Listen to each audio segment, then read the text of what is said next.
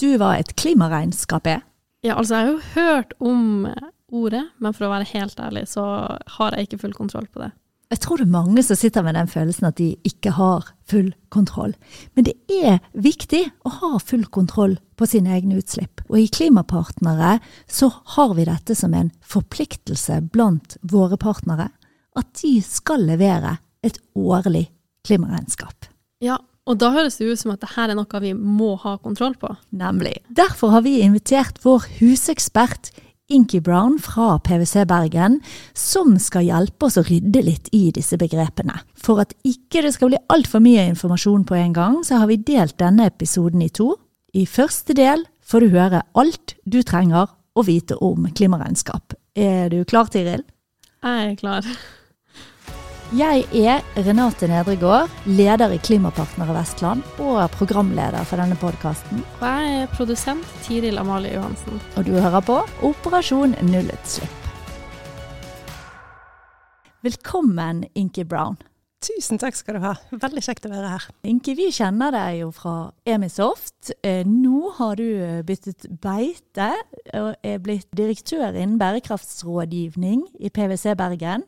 Det er riktig. Og da er jo vi så heldige at vi også har fått PwC Bergen inn i partnerskapet. Ja.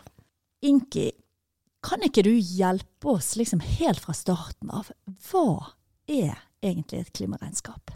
Jo, et klimaregnskap det er en oversikt over hva klimapåvirkning man har. Enten det er for et selskap, eller det er for et produkt, eller det er for et land.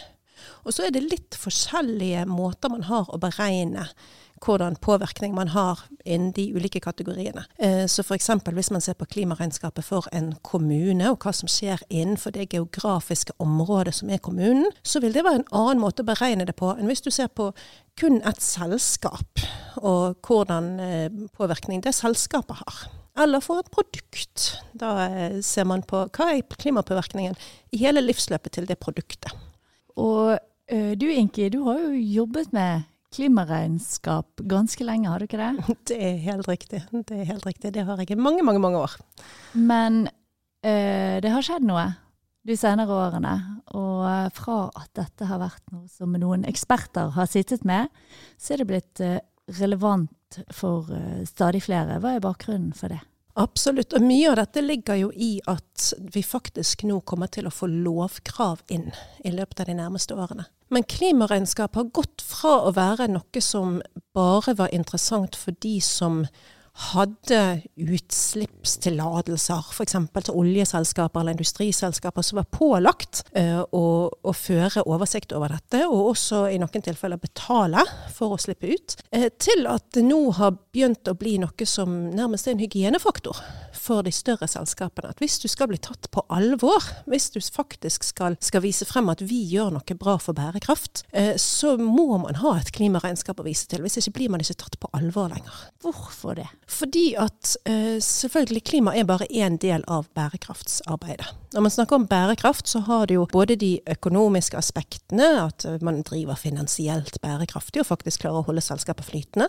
Du har de sosiale aspektene rundt eh, hvordan er arbeidsmiljøet, hvordan ivaretar du de ansatte, og, og også de som, som, er ansatt i leverandørkjeden. Eh, og så har du det miljømessige. Og det miljømessige er heller ikke bare klima. Du har med hvordan håndterer man farlig avfall? Hvordan har, har man noe oljeutslipp eller noe sånt? Men klima er en så viktig sak i dagens samfunn.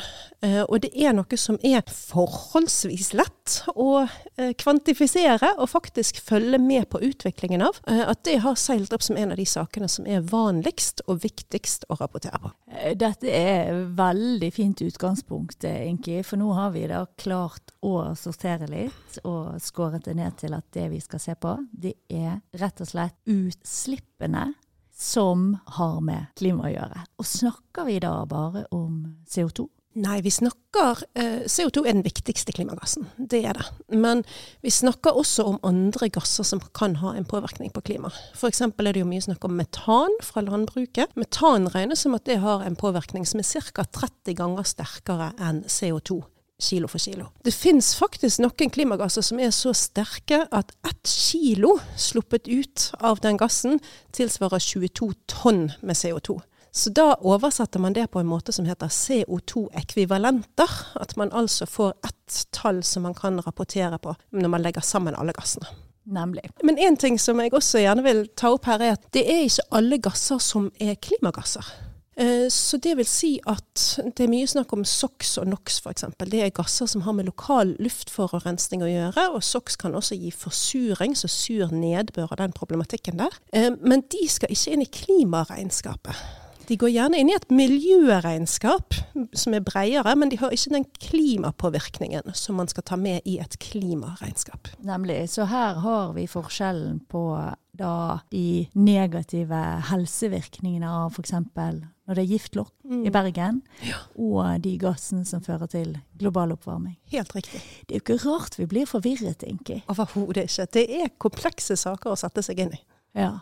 Men eh, jo mer eh, kunnskap vi får om dette, jo lettere blir det å gjøre noe med det. Og det er jo det vi holder på med her i Operasjon Nullutslipp. Så Inki, la oss si at uh, vi er en virksomhet da, som uh, har lyst til å være ansvarlig i klimaarbeidet. Hvor skal vi begynne? Når man snakker om klimaregnskap, så bruker man et rammeverk som heter GHG-protokollen, eller Greenhouse Gas Protocol. Og GHG-protokollen deler opp de klimautslippene vi har i tre deler som man kaller scopes. Så scope 1 det er de direkte utslippene som kommer fra virksomheten sitt eget utstyr.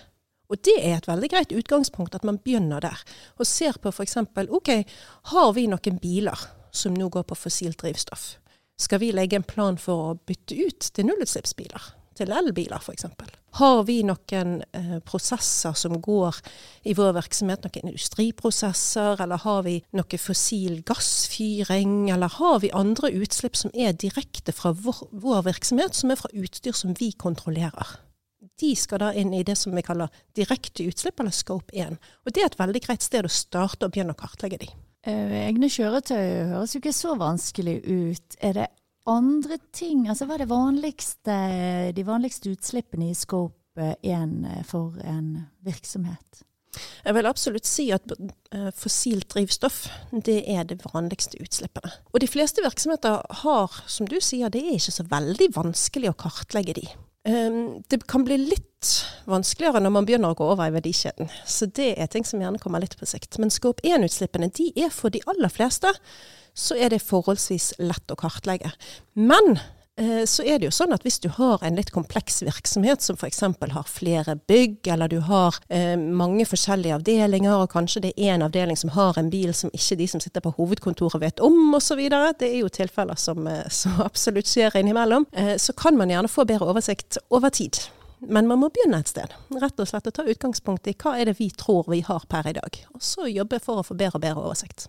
Nemlig. Så vi begynner med de direkte utslippene, hvor det også høres ut som det er eh, en mulighet for å gjøre noe med det, ikke sant? Er det, hvis man da skal kartlegge utslippene i Scope 1, hvordan kan man først og fremst gjøre noe med disse utslippene da? Ja, for å gjøre noe med dem, så gjelder det å finne ut først hva er utslippene. Ok, har vi fem biler, og vi ser at ok, tre av de er elbiler, to av de går kanskje på fossil. Ok, så må man begynne å tenke seg litt om. Fordi at hvis disse fossilbilene faktisk er ganske nye, og man får, eh, man får ganske, ganske grei drivstoffeffektivitet ut av dem, så er det ikke sikkert at man skal hive seg rundt og erstatte dem med elbiler i dag. Det kan være at man heller skal sette seg mål om at når de faktisk skal skiftes ut, så bytter vi til nullutslippsbiler. Men her er det jo veldig viktig at man tenker litt strategisk og begynner å sette seg mål. Eh, og måle dette hvert år og følge opp hvordan ligger vi faktisk an med utslippene våre. Hvis man har denne bilparken på fem biler, kan vi gjøre det sånn at vi kanskje bruker elbilene mest? Har vi noen rutiner for at de kan effektivt lade hver natt, f.eks., sånn at de alltid er klar til å bruke? Og så har man de to fossilbilene som man kan bruke litt eh, når man ikke har tilgang på en elbil, f.eks. Man kan my gjøre mye uten å nødvendigvis erstatte hele maskinparken sin. Nemlig, og da får man, eh, da ser man det fra år til år i klimaregnskapet. Er nettopp det. Ved å holde en oversikt over hvor mye fossilt drivstoff er det vi bruker, så kan man følge med på trender over tid.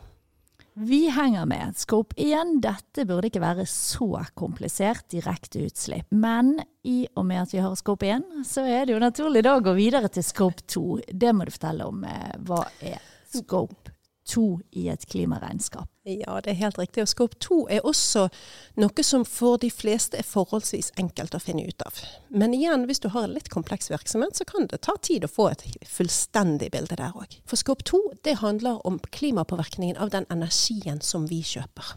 Så det vil si at det er strøm, det er fjernvarme, det er fjernkjøling, det er damp man kjøper fra andre.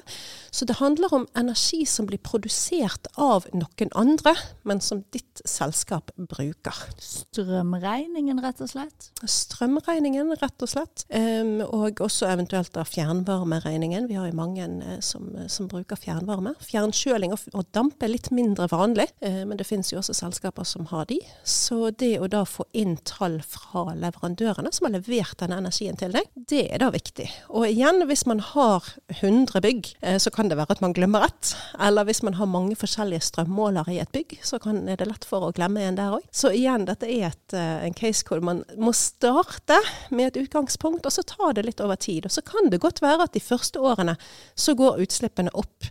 Ikke fordi at man blir dårligere til å styre utslippene, men fordi man blir bedre til å finne tall. Nemlig. Så det ikke om å gjøre å få lavest mulig tall i det man starter? Ikke i det man starter. Men det gjelder å få seg en oversikt så god som mulig, og så regne med at ok, her kommer kanskje tallene til å gå litt opp. Men med en gang man begynner å få den oversikten, så kan man begynne å sette seg litt mål. Og så kan man se at oi, her var energiforbruket mye høyere i det bygget der enn i det bygget der. Hvorfor er det det? Hva tiltak er det vi kan sette inn? Å ja, her står varmen på hele natten. Trenger en det, f.eks.? Så det med å finne seg tall, det, det, gjør det mye lettere å styre. Og rett og slett få bedre grep om, om driften til, som virksomheten har. Nå er det jo veldig gode grunner for å spare på strømmen nå når vi har hatt så høye energipriser. Men når vi snakker om klimaregnskap, så er det jo da CO2-ekvivalentene vi er ute etter. Og nå eh, begynner vi å bevege oss inn i litt sånn skummelt farvann. På den ene siden er det ikke sånn, Inki, at all strømmen i Norge er fornybar, at ikke det er noe spesielt store utslipp? Eller er det sånn at når jeg lader e-golfen hjemme, så er det med kullkraft fra Tyskland. Det er bra du tar opp den problemstillingen, for det er veldig mange som tenker at ja, men i Norge så har vi jo bare vannkraft, det er jo så rent og fint og ingen problemer. Men så er det sånn at vi er jo eh, som du påpeker, vi er jo i et nettverk med resten av Europa. Vi får strøm fra utlandet, vi sender strøm utenlands. Så det vil si at det er veldig vanskelig å vite akkurat hva strøm du får når du plugger inn den e-golfen din hjemme. Men vi har noe som heter opprinnelsesgarantier. Det er en slags støtteordning for de som produserer strøm. De som produserer fornybar strøm. Så det vil si at hvis man har noen som produserer fra et småvannkraftverk f.eks., og produserer en viss mengde strøm, så får de en viss mengde opprinnelsesgarantier som de kan selge i tillegg til strømmen. Så det vil si at når jeg plugger inn elbilen hjemme, så har jeg en strømleverandør som i tillegg til å bare selge meg strøm, så selger de meg òg opprinnelsesgarantier. Sånn at jeg er garantert at en fornybar mengde strøm er satt av til meg. Jeg kan ikke vite at det er nøyaktig den strømmen som kommer ut av, eh, av, kontakten på huset mitt, men jeg kan vite at jeg har betalt for at det skal produseres en tilsvarende mengde med fornybar strøm. Så det vil si at jeg kan bruke markedsmekanismene som ligger der, for å sikre at jeg får fornybar strøm inn i, i min elbil. Så altså ved hjelp av opprinnelsesgarantier så kan vi betale litt ekstra for å sikre oss at strømmen vi bruker er med på å fremme fornybar strømproduksjon. Ja, absolutt. Men nå er vi på klimaregnskapet. Vi må eh, tallfeste litt her. Vi er altså i, på Scope 2, mm. og så skal vi finne ut den strømmen vi bruker. Hvor mye utslipp er knyttet til den? Og så ser vi at vi kan sikre oss litt med opprinnelsesgarantier, men hvordan skal vi regne ut hva slags utslipp som er knyttet til den eh, strømmen vi bruker i et klimaregnskap. Mm. Og der er det sånn at eh, GHG-protokollen de kom med en endring i 2015 fordi at de så at da begynte dette markedet her å ta litt av. Og da var det litt uklart for virksomheter. Ja, skal vi rapportere på basert på hvordan strømmen produseres i dette landet, eller kan vi rapportere på de opprinnelsesgarantiene som vi har kjøpt? Så GHG-protokollen de kom ut med en endring som sier at man skal faktisk rapportere på begge måter. Du skal rapportere både i henhold til det som heter lokasjonsbasert metode, altså hvordan er strømmiksen i det landet som du holder til i, og du skal rapportere på markedsbasert metode, som går ut på har du sikret at den strømmen som du får inn, er fornybar ved å kjøpe opprinnelsesgarantier, eller har du ikke det? Så her får vi altså eh, to forskjellige tall Mm. eh, på Skop 2 når vi skal se på hva er klimafotavtrykket til den energien vi bruker. Lokasjonsbasert, da snakker vi om Norge. Da snakker vi om Norge. Det er også noen klimakalkulatorer som bruker en, en nordisk miks. Personlig så liker jeg å bruke den norske miksen, fordi at den kommer enda tettere på her som vi er i Norge. Og hvor mye er det snakk om da? Altså hvor mye utslipp er det for en kilowattime? Det nyeste som kom ut nå, det ligger på 11 gram CO2-ekvivalenter per kilowattime. Det er ikke så mye. Nei, det er ikke så mye. Det er forholdsvis lavt. Og det er jo fordi at vi har veldig mye fornybar kraft som blir produsert her i landet. Mye vannkraft. Vi begynner også å få en del vindkraft. Men så er det markedsbasert miks, og da blir det mer komplisert. Det vil altså si at man regner ut all strømmen som vi er en del av et felles marked eh, i, som er europeisk. Hvordan regner man ut dette, egentlig? Ja, der er det sånn at enten hvis man da kjøper fornybar strøm, så regner man at da er det null utslipp fra selve produksjonen av den strømmen. Eh, Så det er en, en veldig enkel faktor på null gram CO2-ekvivalenter per kilowattime. Men hvis du ikke kjøper opprinnelsesgaranti, så regner de da ut all det, alt det som ikke er fornybart av strømmiksen som produseres i Europa. Så det er f.eks. kullkraftverk eh, som drives i Polen, eh, og, og andre kraftverk som drives av fossil energi. Og der ligger man nå på en, eh, en eh, faktor som ligger rundt 400 gram CO2-ekvivalenter per kilowattime. Så det er ganske stor forskjell. Det er ganske stor forskjell. Så det vil si at det å kjøpe de opprinnelsesgarantiene og sikre at det produseres fornybar strøm tilsvarende den mengden strøm som du bruker, det har mye å si for den markedsbaserte utregningen av Scope 2. Målet er jo selvfølgelig at vi skal ha en høyere andel av fornybar energi i det markedet som vi er en del av. Absolutt. Er det noe man kan se fra år til år på den uh, miksen på lokasjons... Uh, nei, markedsbaserte? Man kan det, men nå er vi jo inne i en ganske turbulent periode akkurat nå. eh, Med, med alt det som skjer i Ukraina og Russland osv. Men du har helt rett. Målet er jo at fremover så kommer den, den faktoren til å gå, eh, gå gradvis nedover. Men likevel, den faktoren som du skal bruke hvis du har eh, hvis du har um, ikke kjøpt opprinnelsesgarantier, den vil alltid bestå av det som ikke er fornybart. Så det vil si at den faktoren kommer fremdeles til å holde seg ganske høy, for det vil være all den skitneste strømmen som ligger der. Så her har vi egentlig i et helt vanlig klimaregnskap, så har vi svaret på begge de to påstandene om eh, hvor kommer strømmen i stikkontakten egentlig fra. Og det er, der kan man sammenligne og se hvor stor forskjell det er. Og så vil jeg si det at et klimaregnskap gir ikke alle svarene. Når det gjelder dette med strømforbruk og energiforbruk generelt, så mener jeg det er superviktig å se på det faktiske forbruket. Hvor mange kilowattimer er det vi har brukt? Fordi at eh, faktorene kan variere veldig fra år til år. Fra 2020 til 2021 så gikk den lokasjonsbaserte faktoren gikk ned fra 17 gram CO2-ekvivalenter per kilowattime til 8. Så det vil si at hvis du brukte like mye strøm i 2021 som du gjorde i 2020, så ville du likevel få halvert klimagassutslippene dine uten at du hadde gjort noe som helst. Aha.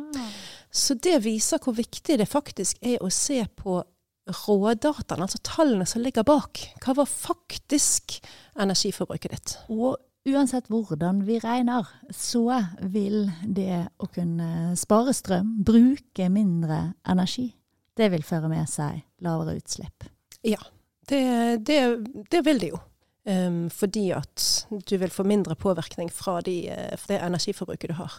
Det er veldig fristende å snakke veldig mye mer om dette, og snakke om eh, strømmarkeder og eh, utenlandskabler og alt mulig. Det skal vi ikke bli fristet til å gå inn på, men vi har i den neste episoden som du er med på, eh, Inki, der eh, skal vi snakke litt mer om opprinnelsesgarantier, og også forklare forskjell på opprinnelsesgarantier og klimakvoter. Så eh, følg med på den episoden hvis eh, dere har lyst til å vite mer om dette temaet. For vi er jo ikke ferdig med klimaregnskapet ABC. Vi har kommet til A og B, skop 1 og skop 2. Og nå, Inki, nå er det eh, der virkelig kanskje skoen trykker for mange av oss. La oss hoppe dype i det og snakke om Scope 3. Ja, Scope 3, som du er inne på, står veldig ofte for den største delen av den klimapåvirkningen man har som selskap. Scope 3 eh, har ofte 80-99% av totalen når man ser på den fullstendige klimapåvirkningen fra selskapet. Men det som er med Scope 3, er at det er ofte veldig komplekst å få det fulle bildet. Fordi at her snakker vi om alle utslippene fra hele verdikjeden. Eh, det må du forklare litt nærmere. Utslippene fra verdikjeden, er det, hva er det som inngår i scope 3 når man skal måle det? Der er det 15 ulike kategorier. Og det er alt fra varer og tjenester som man kjøper inn, til reiser som de ansatte tar, enten flyreiser for å dra på en konferanse, eller reise til og fra jobb. Eh, du har avfallsbehandling. Du har utslipp fra det du selger. Så f.eks. hvis du selger vaskemaskiner, hva er strømforbruket av de vaskemaskinene som du selger. Hvis du oppfører nybygg, hva er strømforbruket av de byggene som du selger? Hvis du selger flyreiser, hvis du driver et reisebyrå, hva er faktisk klimapåvirkningen av de flyreisene du selger? Så her handler det jo veldig mye om ikke hva er det du har 100% kontroll på, men hva er det du kan påvirke gjennom hva du kjøper inn, hvilke policies du har, og hva du velger å selge. F.eks. det med vaskemaskiner. Ok, det er ikke meningen at du skal slutte å selge vaskemaskiner, men kan du promotere de vaskemaskinene som har lavest strømforbruk? Er det de du setter på salg? Er det de du kjører kampanje på, istedenfor de som bruker masse energi for å varme opp vannet? Hvis du driver et reisebyrå, kan du gjøre det enklere for selskaper å bestille togreiser istedenfor å bestille flyreiser kan du gjøre det enklere å, å vise dem hva er faktisk klimapåvirkningen fra disse eh, reisene som dere har kjøpt fra oss, sånn at selskapet kan gjøre mer informerte beslutninger. Så Skop 3 det omfatter egentlig all påvirkning som vår virksomhet har i hele verdikjeden. Ja, det er riktig. og også øh, når vi snakker om å kutte utslipp, så er det jo veldig lett å bli litt overveldet, da. Hvis vi ser på at ok, vi kan godt bytte ut bilene våre og, og kjøre elbil. Vi kan uh, spare strøm. Men de innkjøpene, varene og tjenestene som vi kjøper inn, det er der det aller største klimafotavtrykket ligger. Hvordan kan vi gå løs på dette? Det som anbefales i GHG-protokollen, det er at man gjør først en overordnet screening, som det kalles, eller vesentlighetsvurdering, av hvilke av disse 15 kategoriene her tror vi er mest relevante for oss. Så det er ikke meningen å rapportere på absolutt alt for alle? Du trenger ikke å rapportere på absolutt alt for alle. Du trenger å finne ut hvor er de vesentlige utslippene. Så det vil si at for F.eks. hvis du selger vaskemaskiner, så vil sannsynligvis den kategorien som heter bruk av solgte produkter, den vil være relevant for deg. Men det er ikke sikkert at den kategorien som heter franchiser, eller den som heter investeringer, eh, vil være relevant.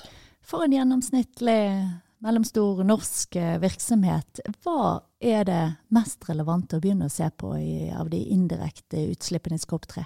De som man gjerne begynner med fordi de er enklest å finne tall på, det handler om reiser og om avfallsbehandling. Men hvis man ser på hvor de store utslippene befinner seg, så snakker man om innkjøp av varer og tjenester, og eventuelt påvirkning fra solgte produkter. Kommer selvfølgelig an på hva type virksomhet det er man har. Hvis man er i finansbransjen, så vil jo investeringer være en stor påvirkning. Fordi det handler om hvor er det vi plasserer pengene våre. hva er det vi tilbyr kundene våre av f.eks.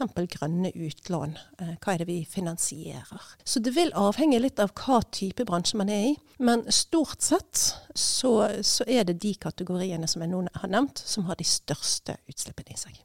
Nemlig. Og for en virksomhet så vil det da si å være litt bevisst på hvor mye man reiser, hvor mye man tar fly. Kanskje ikke legge styreseminaret til Shanghai i år. For eksempel. For eksempel. Men som sagt, det er vanlig å begynne med å kartlegge fra avfall og reiser. Men det er ikke fordi at det er der de store påvirkningene ligger. Det er fordi at det er gjerne det enkleste i skal 3 å få tall på. Nemlig. Så for da å kartlegge de store utslippene som er knyttet til innkjøp av varer, f.eks.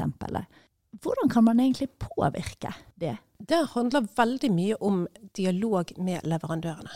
Og selvfølgelig, der igjen så handler det litt om hva type virksomhet er du. Hvis man driver i industrien f.eks., la oss si at du driver et aluminiumsverk, så har du gjerne noen få leverandører som du kjøper råvarer fra, og du vet at det er der de virkelig store utslippene ligger. Da trenger du ikke nødvendigvis å se på kontorpapir. Det er ikke det som er de, de store utslippene. Men hvis man eh, driver en kontorvirksomhet, så er det jo godt mulig at kontorpapir og printere og PC-er og, og, den typen ting vil være det som er mest relevant. Men uansett så handler dette om å pinpointe hvilke store kategorier er det vi har av innkjøp, og hvordan kan vi jobbe sammen med leverandørene våre for å finne disse tallene. Det er ikke sånn, dessverre, at de fleste leverandører sitter der klare med tallene. Yes, i fjor så kjøpte dere av oss til en sum av 1 250 000, og det hadde CO2-utslipp på X. Eh, så dette er noe som tar tid. Leverandørene kommer også til å trenge tid til å snu seg rundt. Og selvfølgelig for de selskapene som hører på nå, som tenker ja, men vi er jo også leverandører. Når begynner vi å få disse kravene stilt til oss fra våre kunder? Det er bare å begynne å, å vurdere det, altså. Fordi at nå kommer det lovkrav fra, fra, EU som ligger like rundt hjørnet. Om et par år så må større selskaper rapportere på både Scope 1, Scope 2 og vesentlige Scope 3-utslipp. Så det vil si at her kommer faktisk kunder til å måtte stille spørsmål til sine leverandører. Hva er klimapåvirkningen fra det vi har kjøpt fra dere? Så hvis man som virksomhet nå begynner å føre klimaregnskap, kanskje kartlegge verdikjeden og kartlegge klimafotavtrykket til de varene man selger, så mm. vil det kunne være en, eh, en fordel videre. Absolutt. absolutt. For dette er informasjon som kommer til å bli mer og mer etterspurt. Og hvis du har et vareutvalg på 10 000 ulike typer varer, så vil jo det være krevende, helt klart. Men å begynne å få de tallene inn, begynne å kartlegge hovedvaregruppene, gjerne gjøre noen estimater, men ta det i dialog med leverandøren. Sånn at man får med seg hele verdikjeden. Man får diskutert hvilke muligheter er det som ligger der i å avkarbonisere de varene som vi kjøper fra dere, sånn at vi kan igjen selge mer klimavennlige varer til våre kunder. Det er viktig nå er tiden til å ta og begynne på de diskusjonene der. For det er noe som tar tid. Det er på høy tid, er det ikke det, Inki?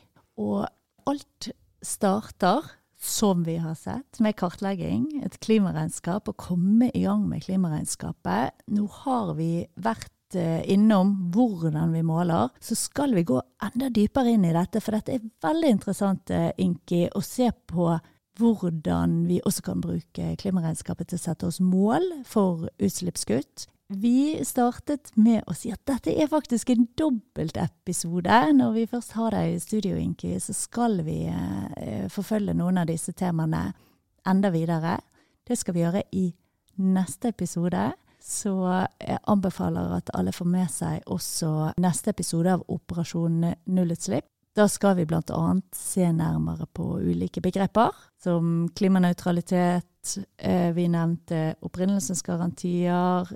Vi skal stikke hånden inn i et vepsebol, syns jeg vi skal gjøre. Og snakke om klimakvoter, ikke sant, tenker jeg? Det blir gøy. Før vi oppsummerer dagens eh, episode om klimaregnskap, la oss ta en kjapp gjennomgang. Klimaregnskap A, B, 1, 2, 3. Hvordan var det igjen, Inki? Scope 1 det er de direkte utslippene fra virksomheten sitt eget utstyr, det som de kan kontrollere selv. Så f.eks. skifte over fra fossilbiler til elbiler. Scope 2 handler om utslippene fra den strømmen eller fjernvarmen eller andre typer energi som noen andre har produsert, men som dere som virksomhet kjøper og forbruker. Og Scope 3 handler om alle de andre utslippene i verdikjeden. Og En annen måte å se det på er at Scope 1 det er det man kan kontrollere, men scope 2 og 3 handler ikke om hva man kan kontrollere, men hva man kan påvirke. Det vil si at de utslippene som ligger i mitt scope 3, de ligger i noen andre sitt scope 1. Så jeg kan ikke kontrollere hva type drivstoff som brukes i et fly som jeg tar, men jeg kan være med å påvirke gjennom min etterspørsel, gjennom kanskje vi skulle tatt det møtet på Teams isteden, gjennom å velge nattoget, eller andre måter å påvirke på. Så det handler om hva er det man faktisk har muligheter til å påvirke i verdikjeden sin gjennom de, eh, de tiltakene som man setter inn for å redusere klimapåvirkningen. Tusen takk, Inky Brown, du er direktør innen bærekraftsrådgivning i eh, PwC Bergen, for at du hjelper oss å få litt klarhet i disse begrepene, og gjør oss bedre kjent med klimaregnskapet. Når vi skal kutte utslipp, som vi skal i operasjonelle utslipp, så starter alt med å kartlegge utslippene. Da starter det med klimaregnskapet. Takk skal du ha for at du kom. Heng med på neste episode, hvor vi skal gå enda mer i dybden med Inky Brown. Takk for at dere hørte på. Har du spørsmål eller kommentarer til podkasten Operasjon nullutslipp? Du finner oss på Instagram. Vi blir veldig glad for eh, innspill og ris og ros. Jeg er Renate Nedregård, leder i Klimapartnere Vestland. Og jeg er produsent for podkasten, Tiril Amalie Johansen. Bli med oss videre på Operasjon nullutslipp.